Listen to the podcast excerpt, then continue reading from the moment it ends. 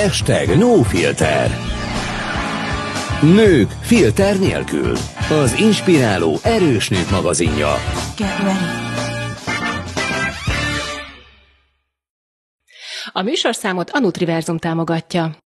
Nagyon sok szeretettel köszöntöm a kedves hallgatókat, ez ezúttal is a Hashtag Nők Filter nélkül Köböl Anitával, és a mai vendégem ismét Bojti Andrea, klinikai gyermek és ifjúság pszichológus. Szia, köszöntelek újra itt nálam. Szia, üdvözlöm a hallgatókat.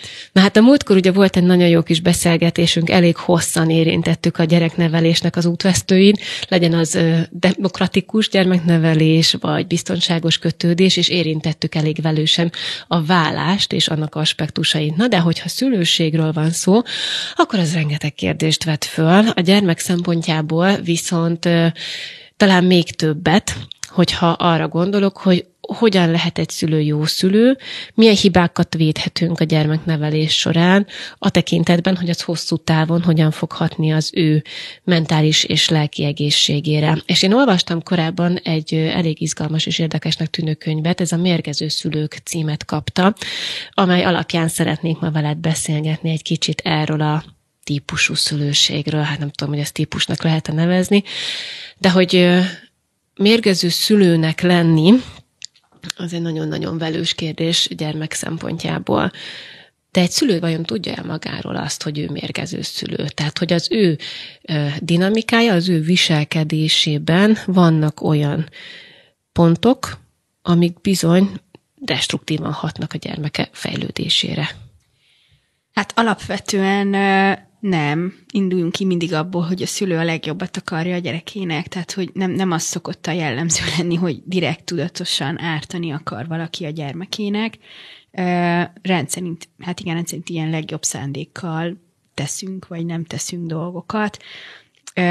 Azt gondolom, hogy egyébként mondjuk ezt belátni, hogy mérgező szülő vagyok, ez egy nagyon-nagyon ismereti kérdés. Tehát, hogy itt ide eljutni, hogy, hogy ilyen szinten a, az ember mondjuk saját magáról gondolkodjon, hát igen, ez egy nagy dolog. És mi a tapasztalat, és az a ta- tudnak? Hát az a tapasztalat, hogy ugye azért most, hogyha azt mondjuk, hogy tudatos egy szülő, vagy törekszik arra, hogy elég jó szülő legyen, mert az bőven elég, elég jó szülőnek lenni, nem tökéletesnek kell lenni, akkor Ugye az mindig már egy jobb kiindulási alap, de amit látunk a gyakorlatban, én ugye dolgozom közkórházban is, tehát nagyon széles tárházát látom a, a mondjuk a szülőknek, hogyha mondhatom így, hát ott azért nagyon sok olyan esettel találkozunk, ahol tényleg bántalmazó olyan értelemben a szülő, hogy verbe, hogy fizikailag is mondjuk, vagy szexuálisan, vagy tényleg olyan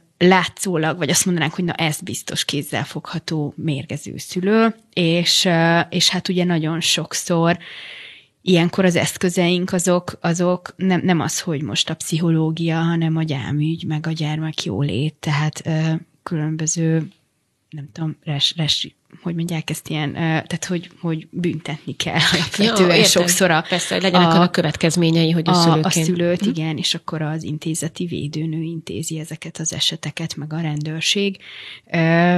Hát sajnos, hogy, hogy igen, szóval... Tehát, hogyha azt mondom, hogy mérgező szülő, akkor én gyakorlatilag a szélsőségekre gondolok, vagy azért a mérgező szülőségbe beletartozhatnak olyan ö, viselkedési formák is, ami bár nem szélsőség, de sajnos a gyermekre negatívan hat.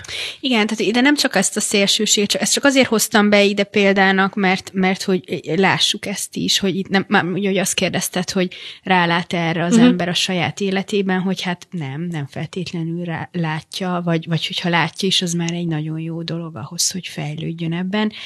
Én azt gondolom, hogy azt, hogy mondjuk szülőként ki milyen hibákat, meg hogy követel, azt is egy intervallumon lehet nézni, mert ugye tökéletes szülő nincs, tehát olyat nem lehet mondani, hogy valaki száz százalékban mindent jól csinál, meg van a nagyon bántalmazó, elhanyagoló, érzelmi, bántalmazó másik véglet, és akkor a kettő között vagyunk valahol. Ebbe lehetnek olyan ö, ö, nem tudom, mondjuk ilyen nehézségek, hogy valaki inkább egy autoriter, egy ilyen diktatórikus nevelési eszköztárat hoz fel, és akkor ő, ő inkább bünteti a gyereket, meg jutalmazza, meg, meg nem tudom én, ennek az eszköztárával él, és azt mondom, hogy hogy mondjuk ő nem, nem feltétlenül látja ezt e, akkor hibának, mert látszólag mondjuk a jutalmazás meg a büntetés az meghozza a kívánt eredményt, és mondjuk nem biztos, hogy valaki erre gondol, hogy hosszú távon ezzel mit okoz a, a gyermekének, illetve hát ez is mindig egy kérdés, hogy tényleg mit okozunk a gyereknek. Ez nagyon sokszor kérdezik tőlem a szülők, hogy mondjuk nem tudom én, sírni hagyta a gyereket, amíg vécén volt, vagy lezuhanyzott, és nem hallotta, hogy sír a baba, és most sérül -e ettől a gyerek, meg hogy hosszú távon trauma lesz-e az, hogy egy időszakban többet rákiabált, és ugye ezekre mindig mindig az a válasz, hogy alapvetően egyrészt nem tudjuk, mert nem vagyunk jövőbe látók, hogy annak a gyereknek most pontosan ez mit fog okozni, de mondjuk, hogyha egy válaszkész, szerető családban él a gyermek, és ez egy időszakos dolog, hogy mondjuk rákiabáltak, mert az egy hétig feszültség volt otthon, akkor azért nagy eséllyel az nem várható, hogy ebből... Na jó, de ezért én itt el tudom képzelni, hogy a szülő menti magát egy ilyen helyzetben. Tehát honnan, tehát hogy ő Érted? Én most azt mondom, hogy alkalmalomszerűen rászólok a gyerekre, mert mondjuk veszélyesnek ítélem meg azt, amit csinál. Ne nyúljon a konnektorba például, vagy nehogy az üveget magára ráncsa, ne menjen a tűzhely közelébe. És a saját hirtelen ijegységem adott esetben egy emelkedettebb hangnemet vált ki belőlem, vagy egyébként az, hogy én rendszeresen így szólok a gyermekhez, és így kommunikálok vele, valószínűleg ott is a szülő felmenti magát, hogy ezt azért csinálta, mert különben ez lett volna a következménye, mert ilyennek látta, tehát hogy nem nagyon látom én ebben azt a, azt a mesdjét, ami ezt jól el tudná választani szülői Nehéz oldalról. is, nehéz is, nehéz is, de hogy egyébként a, a, szerintem az egy fontos definitív dolog, hogy a hogy amikor valaki ilyen diktatórikusan neveli a gyereket, ott valahol az a cél, hogy megfélemlítsem. Ha. Tehát ez fontos dolog, hogy én az erőfölényemmel akarok ráhatni, és megfélemlítem, és azért ne csinálja meg a dolgot, mert én azt mondtam. Mert, meg, mert én tőlem ő megijedjen, és, és féljen tőlem, hogyha én, meg, én rádőrenek, rákiabálok, megütöm, tehát meg tudom félemlíteni, és akkor a gyerek, mint egy ilyen, tehát ez egy ilyen tanult viselkedés, hogy ő már tudja, hogyha én elkezdek vele ordibálni, akkor, akkor lehet, hogy rá is fogok csapni, és akkor abba hagyja ezt az egészet. Erre mondtam azt, hogy egy akut módon, tehát ott is, akkor abban a helyzetben idézőjelben eredményes az, hogy így nevel valaki, mert a gyerek tényleg mondjuk abba fogja hagyni azt, amit éppen csinál. De hogy a, az meg egyébként, hogy megemeled a hangodat, és van egy normál szülői tekintélyed a gyerek előtt, és mondjuk amikor rohanni készül ki az úttestre a kocsik közé, akkor te, te nem ilyen nyugodtan, mint ahogy mi most beszélgetünk, kezded el neki mantrázni három évesen, hogy ne szaladjon ki, hanem igenis akkor ott van, és egy ér, érzi azt, hogy hogy megijedtél mondjuk, és azért kiabáltál rá, az nem ugyanaz, uh-huh. mint amikor azt akarom elérni, hogy ő már pedig azért féljen tőlem, hogy féljen tőlem azért, mert én azt mondtam. Ez egy tök érdekes dolog. Miért akarja a szülő azt, hogy féljen tőle a gyermeke, és miért akar egy ember hatalmat gyakorolni egy szülőgyermek viszonylatban? Ez, ez, ez igen, ez egy jó kérdés, és nyilván nem is ennyire tudatos, Sorry. hanem ebben az van, hogy, hogy, és, és, azt gondolom, ez, ez, ezek ezek a hozott minták, amikről korábban is beszéltünk, hogy, hogy igazából meg a gyerek jog, meg a minden, hogy a gyerek az kicsi, ő tudatlan, én vagyok a, én nevelem, én jobban tudom, és mondjuk alapvetően, ez szerintem egyébként ez, ez az én elméletem alapvetően, hogy, hogy mondjuk az a dacos kisgyerek, ahogy ő viselkedik, az egy olyan ösztönös viselkedés, mondjuk ez a nevezzük hisztizésnek, nem szeretem ezt a szót, de nevezzük így, amit ugye mi már így felnőttként rég el magunkba így tudunk kezelni, vagy nem így reagálunk ideális esetben a saját mondjuk érzelmi állapotunkra, és hogy, és hogy nyilván ezt így, amikor a gyerekünk kezd így viselkedni, akkor azért ez felszínre jön bennünk is, hogy, hogy, de, hogy de hát hogy ez az a viselkedés, amit mi már évtizedek óta elfolytottunk magunkba, vagy megtanultunk úgy kezelni, hogy, hogy ne kezdjek el könnyekbe kitörve a porzékolni,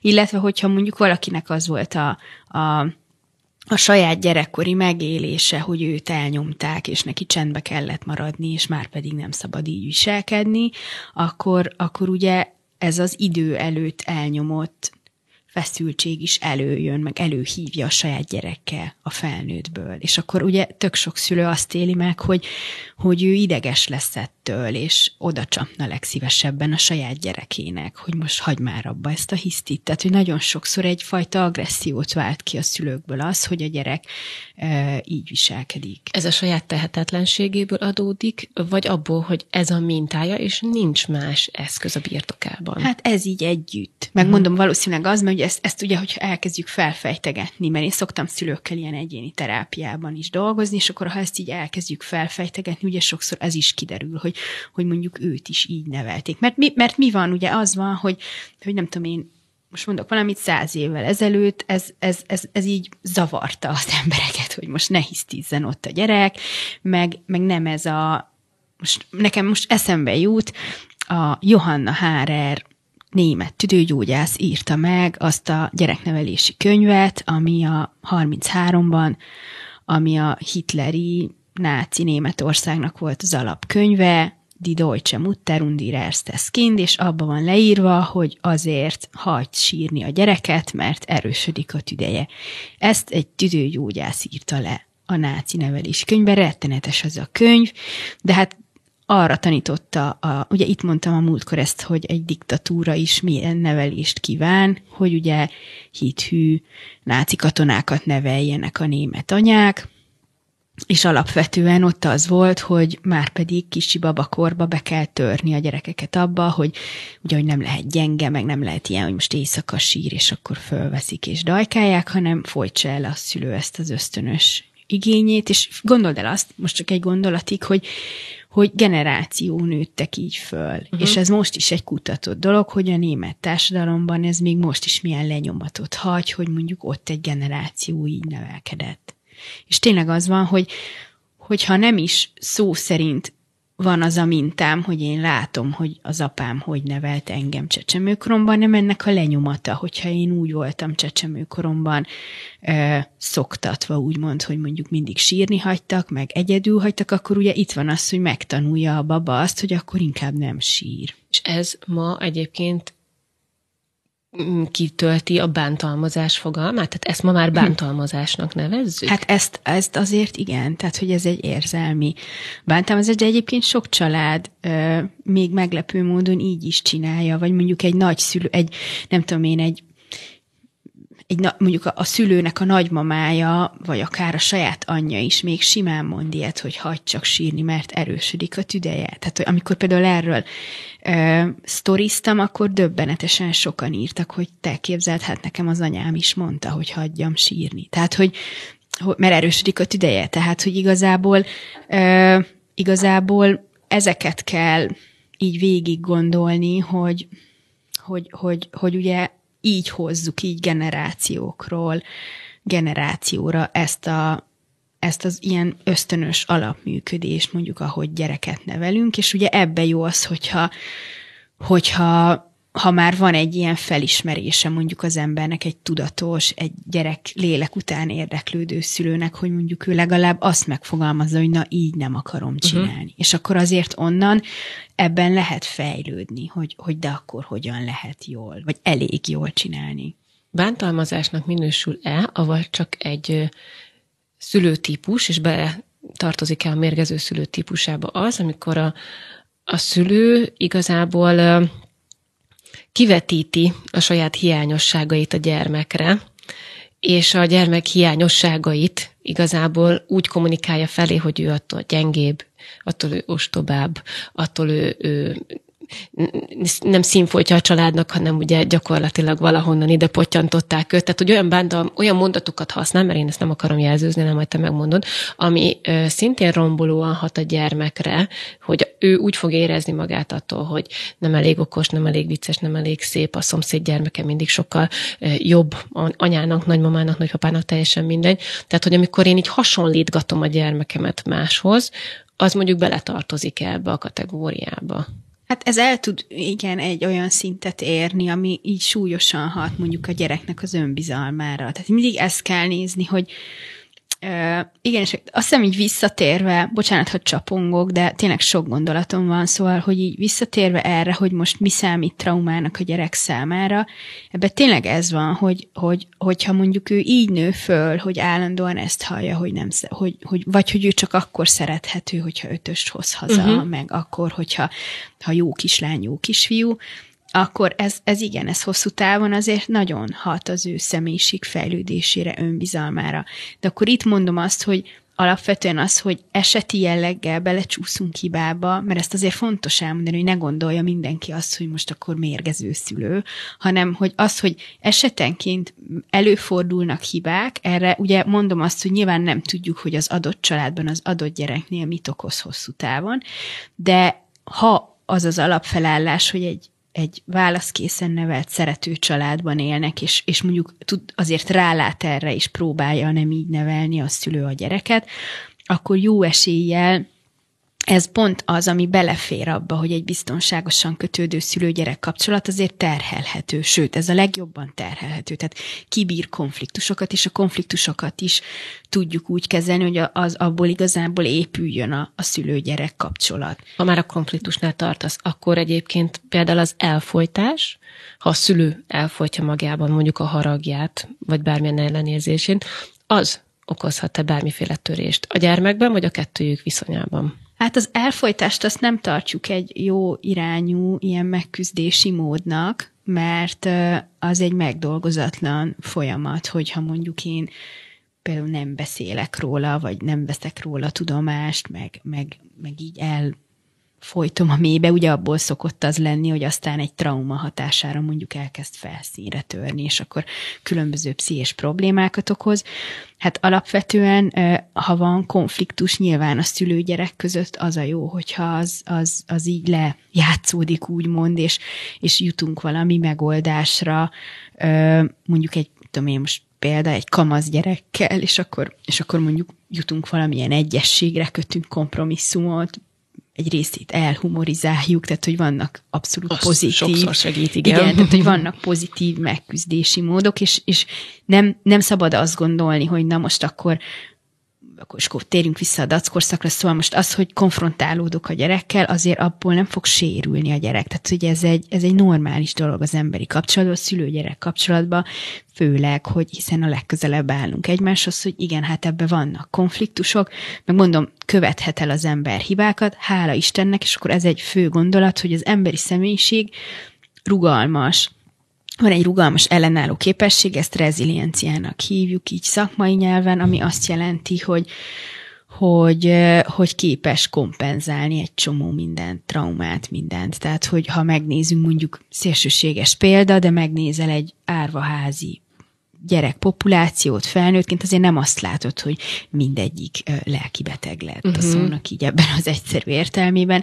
Tehát abszolút lehet találni köztük olyan embereket felnőttként, akiknek van egy normális házasság, Amúgy ez gyerekeik. Na, és akkor itt van az, hogy ez ugye, ezt úgy szoktuk definiálni, hogy hogy a rezilienciát az úgynevezett védőfaktorok erősítik, és akkor itt ez van, hogy mik a jó védőfaktorok. És például nekem volt eszembe jut egy, egy terápiás esetem, egy 14 éves lány, akinek nagyon súlyos uh, alkoholbetegek voltak a szülei, és például ennek a lánynak egyrészt jó volt az intellektusa, ez egy védőfaktor, hogy egy okos lány volt, akinek egyébként már évek óta volt egy nagyon stabil kapcsolata a, a helyi cserkész szövetséggel, meg a cserkész keresztanyja volt, aki nagyon, akivel egy nagyon jó kapcsolata volt, nagyon megtartó. És például ez is egy védőfaktor, hogy van-e olyan személy a gyereknek a környezetében, akire számíthat, aki, aki, aki aki, igen, aki így ott aki megerősít, aki pozitívan Igen, de hogyha nem, ha nem egy ilyen szélsőséges esetet nézünk, hanem egy teljesen átlagos családban, mondjuk azt, hogy vannak konfliktusaink a gyerekeinkkel, akkor az egy védőfaktor, hogy válaszkészen nevelem, hogy szeretem, hogy, hogy én magamat van annyi pszichés önismeretem, hogy akkor én akár magamat fejlesztem, az, hogy mondjuk egy jó házasságot lát mintának az apja meg köztem, és akkor most oké, okay, persze, hát összeveszünk azon egyik reggel, hogy melyik ruhát vegye föl a gyerek, de ezek a teljesen hétköznapinak tűnő ilyen úgymond normatív konfliktusok, meg krízisek, azért bele kell, hogy férjenek. Bocsánat, csak annyi, ez az egy gondolatom, hogy ugye nagyon sokan így épp, hogy ezt viszik túlzásba, hogy minthogyha egyáltalán nem lehetne a gyerekkel uh-huh. konfrontálódni, vagy minthogyha mindig arra kéne törekedni, hogy idézőjelben mondom így, hogy sose sérüljön. Tehát, hogy Persze. Én az elfolytást is így gondoltam Igen. egyébként, hogy ha inkább nem mondom, és nem, nem is ne lássa a gyerek, hogy ez nekem most rosszul esik, vagy sírni akarok, vagy ordíthanék, mert van, hogy ez egy tényleg egy szelep az embernél, és aztán ugye el is engeded a haragodon, ezért inkább elfolytok. Kicsit így gondoltam egyébként. Van olyan élethelyzet, amikor a szülőpárból az egyikük mérgező szülő, a másikuk nem, és mondjuk olyankor életbe léphet ez a biztonságos got nyújtó faktor, hogy azt mondod, hogy van kihez fordulnom, aki megerősít engem, vagy ebben van egy deficit egy ilyen kapcsolatban, mert általában akkor szokott úgy gondolnám életbe lépni az, hogy valamelyik szülőnek a mérgező attitűdjét a másik szülő próbálja eltusolni, és vagy kompenzálni, vagy úgy semmi tenni. Ez egy ez se egy fekete-fehér kérdés, uh-huh. nekem most tudod, mi jutott eszembe? Mondjuk nekem most az alkoholista ö, szülő Például, jut eszembe, igen. mert ezzel egy egészen idézőjelben egyszerűen levezethető példa, hogy hogy mondjuk ez a klasszikus felállás, hogyha a férfi iszik, ö, alkoholista, és akkor úgy van egy párkapcsolatban, és ugye ebben mindig van egy megmentő szerepben a nő, a férfi iszik, ö, mondjuk mert így oldja a feszültséget, amikor iszik, akkor erősnek érzi magát, akkor ő, a, ő, a, ő az erős, esetleg így elnyomja, vagy akár bántja is a másikat, amikor kiózanodott, akkor pedig gyenge, meg számon van kérve, és ez egy játszma, ezt Erik Berne a játszmák könyvében, emberi játszmákban erről elég hosszan ír, meg, meg jól érthetően, és mondjuk ez a kapcsolati működésmód, ami a ami egy ilyen szülőpárban van, vagy amit lát ilyenkor a gyerek, ugye itt látjuk azt, erre nagyon sok kutatás van, mert sajnos nagyon sok család érintett az alkoholizmusban, hogy mondjuk az a gyerek, aki ezt látja mintának egy párkapcsolati működésmódban, hogy mondjuk az apuka bujkál az itallal, és az anyuka meg számon kéri, meg, meg hogy ilyen olyan konfliktusaik vannak, ugye ő hajla, ő ezt látja neki, ez a férfinői minta, és ezt és ugye amikor párkapcsolatot keres, meg, meg párja lesz, akkor, akkor hajlamos, még ha akkor nem is iszik a párja, de egy olyan ö, mintájú, egy olyan működésmódú férfit találni, mondjuk a nő, aki, ö, aki így hasonló a, a saját apja, anyja uh-huh. viszonyában, ugye az ő kapcsolatuk. Az egyik általában a férfi illető alkoholistaként funkcionál ebben a családi modellben, és akkor az anyja ott van, mint nem tudom, villámhárító, és vagy mondjuk számon kéri a férjed, és ez determinálja a gyermeket arra, hogy valószínűleg ugyanezt a mintát fogja hozni majd a saját felnőtt korában is. Hát ö, azt mondanám, hogy nagy valószínűséggel. Uh-huh. Nyilván nem száz százalék, mert sose lehet ilyet száz százalék mondani, de azért ez látszik, hogy generációról generációra megvannak ezek a minták. És akkor ugye ö, itt van az, hogy na de hogy ne add tovább a gyerekednek azt, hogy, hogy akkor ő is mondjuk uh-huh. ezt lássa. És mondjuk egy ilyen mintában az a nő a generációk során, az a nő, aki, aki mondjuk először képes arra, hogy kiszáll egy ilyen házasságból, és tegyük föl, csak kiszáll, és egyedül marad utána a gyerekekkel, és tudom én, csak ennyit tett meg, idézőjelbe csak, már nagyon sokat tett azért, hogy mondjuk az ő lánya ne ezt lássa gyerekként, hogy így működik a férfi-női kapcsolat, hogy ez mondjuk egy ilyen állandó bujkálás, meg, meg egy ilyen játszma mondjuk kettő között, de nagyon sok ilyet föl lehet hozni, ilyen kapcsolati játszmát, ami, aminél ezekre így mindig, és ugye visszautalva az örökölt sorsra, hogy ezeket így mindig figyeljük, meg, meg, meg próbáljuk meg a saját önismeretünkben végig gondolni, hogy, hogy igen, akkor én mit láttam otthon, meg mi az, amit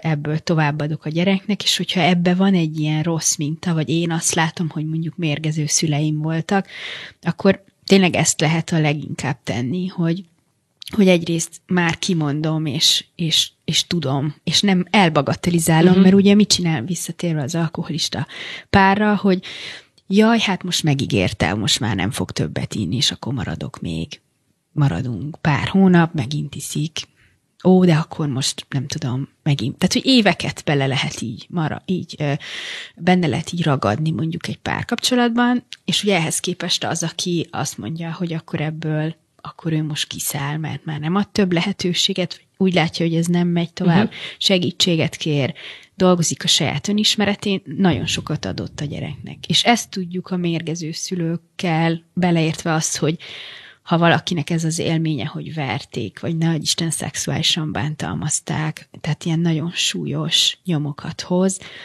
hogy, hogy ő maga ezt dolgozza, mert ő a felnőtt, ő tud ezen a saját életszemélyiségével a legjobban dolgozni, és, és, és ugye ő az, aki villámhárít, meg szűr a gyerek felé. Kimondható az, hogy abban az esetben, hogyha van egy ilyen felbomlott dinamika szülők között, az egyik fél nyíltan mérgező szülőként funkcionál, a másik fél villámhárít tagadásban van, ott ugyanúgy ez a fél, aki ezt nem nyíltan, hanem egy ilyen zárt módban asszisztálja végig, is mérgező szülőnek számít? Hát figyelj, kicsit egyébként erős ez a mérg, tehát hogy ez a, ez a mérgező szülő definíció nagyon általános is, mert azért mondjuk igen. Tudunk rájuk jobb szót használni? Hát, most ez nekem a bántalmazó jut eszembe, de most gondold el azt uh-huh. a helyzetet, mondjuk amikor egy gyerek úgy nő föl, hogy és bocsánat a sztereotípiáért, hogy én a férfit hozom be, de ez a gyakoribb, hogy a mhm. férfi az alkoholista, most maradva ennél a példánál. Tényleg a nő is lehet, tehát hogy ez, ez teljesen, ö, sőt, mind a ketten is lehetnek. Tehát, hogy most csak, most az csak maradva... egyértelmű szituáció, amikor hát most maradva ennél a sztereotíp példánál, uh-huh. igen, hogy azért az a gyerek, aki mondjuk azt éli meg, hogy az, apá, az apja időnként beiszik, és mondjuk olyankor őt bántja szóban, vagy tettekkel, akkor azért ő benne az nagyon ott van, hogy de akkor miért nem védett meg az anyám. Tehát az a gyerek, aki így nőtt föl, ő, ő azért ezt nagyon megéli felnőtt korára, hogy de miért nem vált el az anyám, miért hagyta ott, miért, miért tűrte ezt el, miért szenvedett ebben, miért tett ki engem ennek és akkor ez lehet akármilyen bántalmazás. Mondjuk, ugye, mert abból indultunk ki, hogyha csak idézőjelben csak az egyik fél az, aki most itt mérgezőnek mondunk. Hát ilyen értelemben nem, mert Nyíltan. hogy de Nyilván. ezért kérdezem, hogy a másik is Tehát, hogy ilyen értelemben nem, mert az ő szülői minőségük, meg ez a dinamika, amiben ott él a család, ez a légkör az, ami mérgező a gyerek részére, és ebben mind a, erről mind a két szülő tehet. Tehát, hogy most ö, igen, tehát, hogy ez így nagyon, nagyon egyszerűen kimondva így van, igen. Egy ö, gy- bántalmazott gyermekből bántalmazott szülő fog válni? Na, itt van az a, az a, az a dolog, hogy ö, nyilván nem, mert hogy ugye reziliens a gyerek is, meg ott lehet egy csomó védőfaktor, ami őt mondjuk védte, és nem. És az, hogy milyen trauma számára egy ilyen légkör, ugye ez is időkérdése, míg kiderül. De itt van az, hogy, hogy hogy erre viszont tényleg, tehát a pszichoterápia alkalmas, hogy, hogy ezeket, hogy ezt feldolgozza az illető, hogy, hogy ezzel foglalkozzon a saját önismereti szintjén, és, és nem, tehát hogy nem, nem, ez nem törvényszerű. Ez pont annyira nem törvényszerű, mint hogy az árvaházban felnőtt gyereknek is lehet normális párkapcsolata, úgy, hogy közben mondjuk nem tudom, milyen borzalmakat élt meg mondjuk az áruházban. Tehát, hogy, hogy nyilván tudjuk azt, hogy potenciálisan sokkal nagyobb esélye van annak, hogy ő bántalmazó szülő lesz, akit bántalmaztak, de nem törvényszerű uh-huh. ez az összefüggés. Ugye beszéltünk arról, hogy a bántalmazás mind érzelmi szinten, mind pedig testi szinten megnyilvánulhat. Térjünk át akkor kérlek itt a beszélgetésünk másik felében a, a fizikai bántalmazásra is.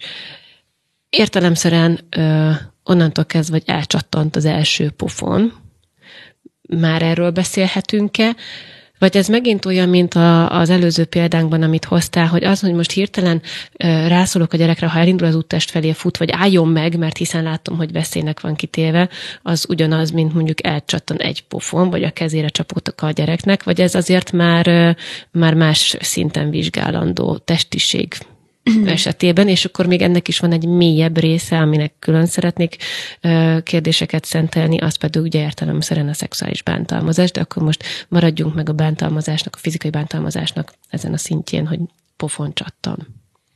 Hát az gyerekbántalmazás egy pofon is, ez tényszerű dolog, tehát hogy ez nem fér bele, ezt a törvény is szabályozza, és én ezt nagyon fontosan, ezt nagyon, nagyon hangsúlyozom, amikor, érdekes, hogy amikor erről írtam, volt ilyen cikk sorozatom is, meg post sorozatom, hát mindennek elhordtak egyébként így Komolyan. a kommentelők, igen, hogy én hogy mondhatom azt, hogy egy pofon, vagy egy atyai pofon is belefér, mert hát, hogy, tehát, vagy, na, hogy mondhatom azt, hogy nem fér bele, nem fér bele, tehát ez egy abszolút fontos elvi kérdés, hogy alapvetően az, hogy megütöm a másikat, és így a testi fölényemmel élek vissza ugye a gyerekkel szemben, ez elég komoly ö, nyomokat hagy bennük, és és igazából, amikor valaki azt mondja, hogy na, én is kaptam életembe öt pofont, és semmi bajom nincs tőle, hiszen itt vagyok felnőttként, na ez pont az a viselkedés, amiről itt beszélek, hogy hárítja az ember, hogy nem nősz szembe ezzel, hogy, hogy de, már pedig nem fér bele,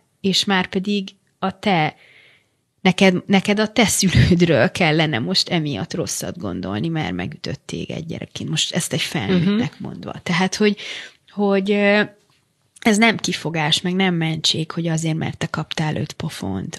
De, de jobb lett volna, ha nem kaptál volna egyet sem. Tehát, hogyha te kaptál öt pofont, akkor miért kell adnod ötöt a gyereknek? Tehát, hogy, hogy itt, itt van az, amiről beszélek, hogy megvan-e a szülőben az a fajta tudatosság, hogy az első pofonnál ő rájön arra, hogy ez gáz hogy ez nem jó, hogy ez valami nagyon rossz irány, és ezzel nekem foglalkoznom kell, mert, mert hogy jutottam el ide, hogy ilyen szinten agresszív vagyok a saját gyerekemmel szemben.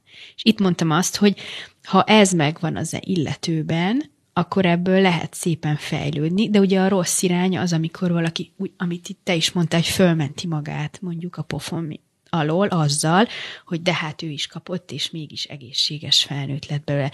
Egyébként, bocsánat, azért megnézném azt, hogy hogy most akkor mit nevezünk egészséges felnőttnek ebben a szituációban. Mert azért látjuk azt, hogy a, ezekkel az autoriter, tehát a, a tekintélyelvű nevelési módokkal nevelt emberek mennyire szorongóak, hogy milyen érzés az, amikor valaki mondjuk nem mer a főnökének ellent mondani, mert attól fél, hogy úristen, akkor nem tudom, mi fog történni. Tehát akit így neveltek föl, hogy már pedig a tekintély és a tanárnak mindig igaza van, és, és, és már pedig te csak maradjál csendben, akkor ott azért az felnőtt korban is nagyon komoly szorongásokat, meg komoly pszichés problémákat okoz. A mondjuk, amikor ugye nem tudja egy adott helyzetben érvényesíteni az ő érdekeit, stb. stb. Tehát, hogy, hogy azért ez teljesen relatív, hogy mennyire egészséges, vagy mennyire lett ő egészséges, uh-huh. úgymond, hogyha autoritár módon nevelték. Ugye azt mondtam, hogy a szexuális bántalmazásnak szeretnék azért egy komolyabb időt kiragadni a beszélgetésünkből, ami egy nagyon-nagyon mély téma, és én próbálom ezt a kellő érzékenységgel kezelni. Először is kezdjük azzal, hogy egy szexuálisan bántalmazó szülő, az Hú, hát nehéz, bele is kezdenem egyébként ebbe a témába. Ma még tabunak számít talán nem erről beszélgetnünk, és akinek nincs ebben része, annak szerintem vannak elvisíkon elképzelései erről, de alapvetően fogalmam sincs, hogy miről beszélek értelemszerűen. Ilyenkor mire kell gondolnunk? Tehát ez már egy egész kis csecsemő korban elkezdődő bántalmazás, vagy a szexuális érettségével, a gyermek szexuális érettségével ö, kelt abban a gondolom beteg személyiségű szülőben egyfajta vágyat, aminek aztán a bántal, ilyen típusú bántalmazás lesz a következő. Hát sajnos erre látunk példát mind a két fajtára, tehát hogy egészen döbbenetes csecsemők szexuális bántalmazásáról is vannak ügyek, és tényleg tabu téma, meg, meg szégyen, meg sokszor úgy, úgy az van, hogy mondjuk, ha kiderül ez egy családtagról, akkor nem is beszélnek róla, titkolják, hogy mondjuk a nem tudom melyik nagybácsi, vagy valakinek, hogy pedofil hajlama volt, vagy van, ugye itt már sokszor akár meghalt családtagokról is, és akkor olyan, olyan bizarr módon be tud ez a titok így férkőzni egy családnak a, a, az életébe, a gyerekekébe is adott esetben, hogyha mondjuk erről nincs szó, vagy nincs feldolgozva, nem beszélnek róla, ez is egy ilyen nagyon mély dolog, amikor emlékszem rá, ugye én nem dolgozom alapvetően felnőttekkel, de emlékszem rá még a szakképzés alatt ott volt egy ilyen esetmegbeszélésünk, amikor pont a tanárunk hozott egy ilyen példát, ahol ő dolgozott egy felnőtt nővel, az már egy ilyen 40 körüli nő volt, és évekig járt hozzá terápiába különböző szorongásos problémákkal, és egy idő után nála például ilyen imaginációs képekben jöttek föl ilyen jellegű tartalmak, és az is hosszú idő volt, mire a mire bevillantak neki konkrét emlékek, hogy miket csinált vele tíz éves kora előtt az apja. Tehát szexuálisan bántalmaztam, mert hogy egyébként a gyerek egy ilyen jellegű bántalmazást szó szerint lehasít magáról. Uh-huh. Tehát nem az, hogy nem emlékszik rá, hanem meg nem történté teszi, és leválasztja saját magáról. És ennek a 40 éves nőnek semmilyen konkrét emléke nem volt erről, hogy ő vele mit csinált akkoriban az apja, és mondom már ilyen kiskamasz korú volt, amikor ezek még történtek vele, és ilyen az embernek a személyisége, tehát megvédi, így védi magát a személyiség a teljes összeomlástól, hogy egyszerűen lehasít dolgokat, és, és ugye ebbe az a félelmetes, hogy, hogy éli úgy évtizedekig a felnőtt életét, hogy, hogy kvázi kitörölte, ha egyszerűen akarom fogalmazni, ezt a történést az emlékeiből. Döbbenetes, döbbenetes. Igen, és egy, egy nagyon mély terápia volt az, ami ami, ami ezt egy idő után a felszínre hozta. És ugye ö, ott is azért nyilván, hogyha ha egy ilyen feljön, ez egy, ez egy tök nagy pszichológiai feladat, mondjuk, mondjuk utána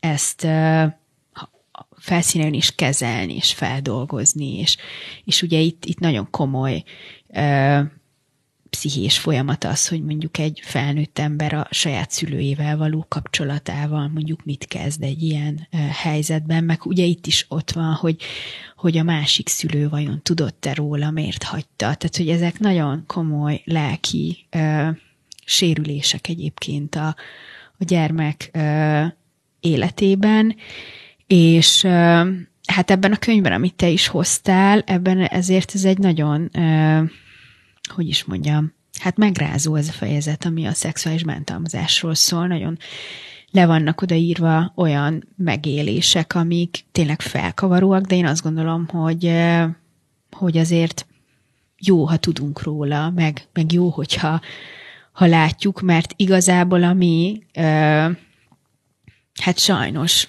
gyakori, vagy hogy is mondjam, tehát hogy, hogy azért találkoznak ezzel a gyerekek.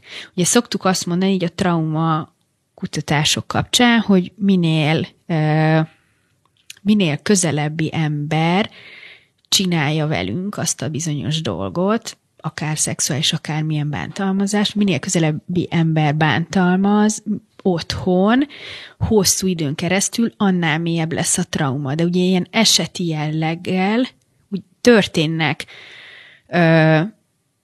velünk traumák. Tehát mondjuk az, hogy egy kislány lát egy mutogatós bácsit, egy valakit, egy pedofilt az utcán, és meglátja a péniszét mondjuk. Tehát ilyen eseti jelleggel találkozik, meg nagyon, tényleg viszonylag sok felnőtt nő beszámol erről, hogy mondjuk megpróbálták molesztálni, meg hogy akár tehát gyerekkorában, és hogy, és hogy azért ezt is ide venném még, hogyha már erről beszélünk, hogy, hogy egyáltalán hogyan tudjuk ettől megvédeni a gyerekeinket, hogyha most nem csak a szülőkről beszélünk, hanem, hanem egyébként És hogyan? is. Mert hogy nekem az jut eszemben, hogy, hogy egy gyerek minél inkább magához közeli embertől éli át ezeket az élményeket, annál inkább elfogadó lesz vele, hiszen ő a szeretett apa, ő a szeretett anya, ő a szülő, tehát nem is biztos, hogy ő, főleg piciként, ezt ezt felismeri, hogy ez rossz, ez Na, baj, igen. nem szabad, nem? De ez így szokott lenni, igen, hogy, hogy a gyereknek ez természetes, meg normális, meg ugye nyilván ő nagyon arra, tehát hogy amikor ilyen pedofil ügyekről van szó, ott azért ez látszik, hogy, hogy nagyon az lett neki tanítva, hogy erről ne beszéljen, uh-huh. hogy ez titok, hogy ez, hogy ez normális és benne van, és ugye itt még ezzel is dolgozni kell, hogy, hogy adott esetben mire a gyerek rájön, hogy ez nem volt rendben, azért, hogy ott van benne egy szégyen érzet, hogy akár lehet, hogy ő ezt élvezte egy ponton, hogy tetszett neki ez a viselkedés, és akkor ezzel mit kezd? amikor ilyen emlékei vannak. Tehát, tehát igen, szóval, hogy, hogy, hogy itt, itt van ebben egy ilyen felismerési faktor, ha mondhatom így, hogy mikor rájön, hogy ez nem volt rendben. Amikor szexuális abúzus történik családon belül, akkor azt a szülő ö, szintén akár a hatalma gyakorlása alapjaként, ö, eszközként használja, vagy tényleges szexuális vágyról beszélünk. Tehát ez olyankor egy büntetés, vagy keres valami okot arra, amivel meg tudja magyarázni a gyermeknek, és a gyermek ezt elhiszi neki.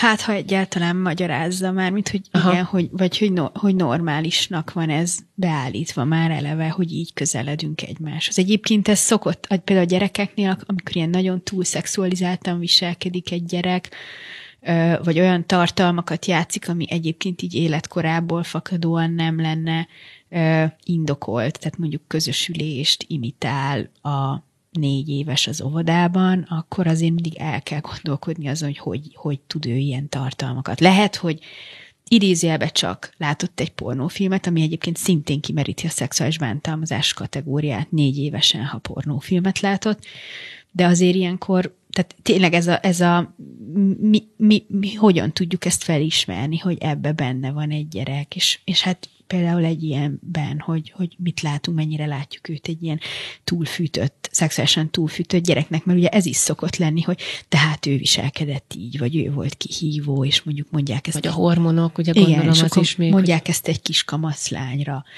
Holott, hát nem. Tehát, hogy, hogy ugye ez is például egy felmentés, idézőjebe felmentés a szülőnek saját maga alól, hogy, hogy akkor azt mondja, hogy de hát a gyerek kezdeményezte. És ráadásul ne is csak a szülőket hozzuk itt képbe, hanem lehet az akár egy családtag is, nem? Hiszen olyanról is hallani, amikor a nagybácsi, nagynéni, feltételezem ritkább esetben, de, de akár ő bántalmazza ilyen formán hát a gyermeket. Igen, a nagyszülők uh-huh. szokott még. Tehát ezt mondom, hogy, hogy igen, hogy aztán ez nem csak a szülőkről szól, hanem, tehát nem csak a szülők teszik ezt, hanem, hanem akár tágabb családtagok, és itt van az, hogy minél közelebbi, annál nehezebb a helyzet, vagy akár egy, egy ilyen eset, hogy mondjuk kül, teljesen külsős, vagy a tanár, vagy az edző. Tehát, hogy uh-huh. ezek is az a baj, hogy a gyerekek, ö, ö, tehát, hogyha egy gyereknek egy felnőtt, egy közelálló felnőtt azt mondja, hogy ezt titok, meg hogy ezt, meg hogy, tehát, hogy ezt elhiteti vele, hogy, hogy jó, meg hogy erről ne beszéljünk, meg megzsarolja, meg fenyegeti, hogy mi lesz akkor, hogyha beszél, akkor ezt nagyon magára tudja venni. Tehát, hogy, nagyon elhiszi, úgymond, és ugye itt van még sokszor ez az áldozathibáztatás, hogy de hát miért nem szólt, vagy miért nem, visel, miért nem jelezte az edzésen, hogy, hogy ez rendben, hogy ez nincs rendben. És ugye itt van az mondjuk egy konkrét dolog, amit ha így tanácsolhatok így a hallgatóknak, hogy akár már óvodáskortól, ahogy tud a gyerek beszélni, meg úgy megérti ezt a helyzetet, például lehet neki tanítani a fehér nemű szabályt ami egy olyan ö, módszer, hogy azt mondjuk neki, hogy ami a bugyin belül van, oda nem nyúlhat más. És akkor azzal, ez például azért jó, mert ö, itt nincs, nem hozzuk a gyereket mérlegelési helyzetbe, hanem, hanem, hanem ez egy egyértelmű dolog, hogy a bugyiba ne nyúljon bele más, mondjuk csak a szülő, vagy tudom, a doktor bácsi, Igen, hogyha itt felmerül a kérdés, van. hogy ez vajon csak a bugyitól érvényes? Mert hogy amúgy, hogyha úgy ér hozzám, úgy simít meg ruhán keresztül is már érvényét nyilván, ez az aklatási forma. Persze, nyilván nem csak mondjuk egy kis ovis ezt még nem fogja fel. Tehát ugye, mert hogy itt tudod mi a baj? Az, hogy a gyerek nem érzékeli ezt a helyzetet. Uh-huh. Tehát egy óvodás, egy négy éves gyerek, az, hogy őt valaki megsimogatja, hát föl sem merül benne, hogy ez egy szexuális közeledés uh-huh. lenne. Tehát egy négy éves gyereknek a gondolkodási szintjén ez a kezdő lépés, hogy egy ilyen racionális magyarázatot, mert ezt megérti, ebben nem kell mérlegelni, nem neki kell eldönteni, hogy ez egy szexuális közeledés vagy sem, hanem egyszerűen azt tanítgatjuk neki, hogy oda ne nyúljon be más. Se a másik gyerek poénból, se a nem tudom, akármilyen felnőtt, mondjuk nyilván egy ovisnál még ha kitördik a fenekét, mikor Pont ez jutott nagy vécézet, az még oké, okay, uh-huh. de, hogy, de hogy igazából ezt kezdhetjük el így apránként egy első lépésként tanítani a gyerekeknek, és hát utána nyilván, eh, ahogy egyre több mindent megért, meg bekerül az iskoláskorba, akkor már, akkor már ezekről azért lehet konkrétabban is beszélni, hogy mondjuk a szexualitás a felnőttek között az egyáltalán mi, meg mivel jár. Ez így a szexedukációnak lehet a része. Sajnos, és ez borzalmas énkor, hogy vészesen fogy az időnk, arra gondoltam, hogy picit beszéljünk arról, tök érdekes felvetés volt az előbb, azt mondtad, hogy a tinédzser gyakorlatilag lehasítja ezt a fajta negatív élményet, és visszaköszönhet majd felnőttként Yeah. Mik lehetnek azok a jelek, amik, tehát hogyha ő ezt lehasítja, a, és elzárja az agyam, és nincs is meg emlékként, akkor felnőtt korban e, mégis mi lehet az arra utalója, hogy valami nem stimmel, valamiben keresgél, nem kell furcsa, különös szexuális szokásai hmm. vannak, e, egyáltalán a szexualitáshoz való viszonya megváltozik ezzel, a párkapcsolatában problémái lesznek, hol, hol tud ez igazán kiütközni, és milyen formán? Hát például ez egy nagyon, nagyon triviális igen, hogy a szexuális életében a frigiditás, a vaginizmus, ugye ez a non-organikus, tehát amikor nem képes mondjuk a behatolásra, akkor a merevedési zavarok, ö, tényleg ezek ilyen szervi tünetek, de akár különböző, szóval nagyon széles tárháza lehet a pszichoszomatikus tüneteknek, a krónikus hasfájástól kezdve a migrénes fejfájáson át, alvázzavar, tehát hogy nagyon sokféle olyan ö, olyan, vagy de, tehát különböző mentális betegségek, depresszió,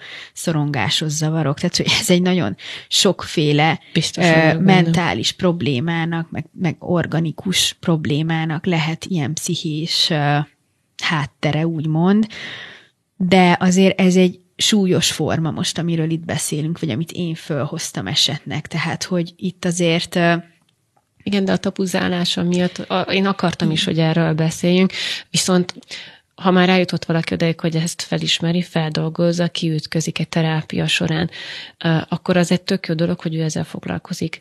A végére egy gyors kérdés. A szülővel biztos vagyok benne, hogy megváltozik a viszonya, meg kell, hogy változzon eredendően. A szembesítés, az hogyan és miképpen zajlik? Ez egy, igen. Tudom, hát ez újra el kell, hogy hívjalak, megértem. Jó, szóval hát itt azért az a jellemző, hogy nem jó a kapcsolat, még akkor uh-huh. se, hogyha erről a szélsőséges lehasításról beszélünk. Tehát nem, nem az van, hogy puszi-puszi minden szuper, és állandóan látjuk egymást, hanem ilyen ö, vagy elmérgesedett, vagy ilyen megszűnt kapcsolatokról beszélünk már. Tehát azért valahol ott van benne tudat alatt, hogy nem kötődik úgy mondjuk az apjához, vagy az anyjához, hogyha ezt csinálta vele. Ö, és hát nem tudom ezt a kérdésre igazán jól a választ. Én olvastam olyan esetekről, vagy olvastam olyan ajánlást, hogy mondjuk egy, nem tudom, hogyha már ilyenkor nagyon idős a szülő, akkor, akkor, akkor talán nem is volt szembesítés. De mert, segítheti a feldolgozást, de közben, vagy a feloldozást? Nem hát, tudom. Ebből én, én ebben most nem akarok, ebben nem akarok így, meg, meg, meg mondom, nem, nem, nem, nincs most a fejemben ennek a konkrét uh, anyaga, hogy erre így mi a jó módszer. Biztos, hogy totál egyedi egy uh-huh. ilyen helyzetben, hogy, hogy van-e olyan élethelyzet, hogy egyáltalán ennek van értelme még szembesíteni, vagy, mert ugye ilyen, mondom, erről olvastam, hogy ilyen nagyon súlyos betegszülőt nem szembesítettek már vele, de ezt visszavonom, hogy ez ajánlás lenne, vagy sem, mert nem tudom. Tehát, Jó, hogy ez akkor inkább úgy kérdezem, kérdés. hogy lehet-e, és akkor ez a záró kérdésem hozzád, lehet-e úgy teljes életet élni, hogy valakinek ez a probléma az életében jelen volt, vagy az egy életen át bélyeg marad számára? Én azt gondolom, hogy, hogy lehet, ezen lehet dolgozni, erre tényleg erre van a, tehát, hogy, és akkor itt nem a jóslás kategóriáról beszélünk, hanem tényleg a pszichoterápiáról, aminek erre megvannak az eszközé.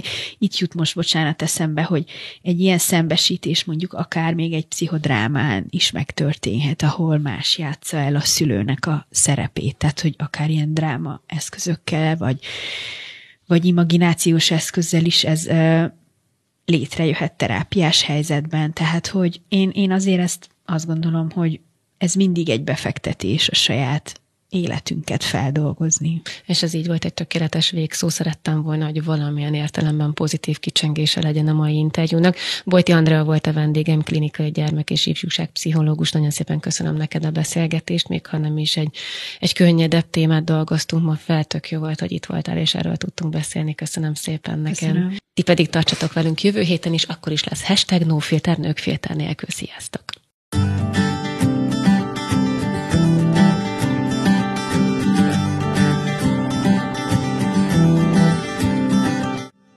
A műsorszámot a Nutriverzum támogatta. A képi anyagot a Schnittman Pictures készítette.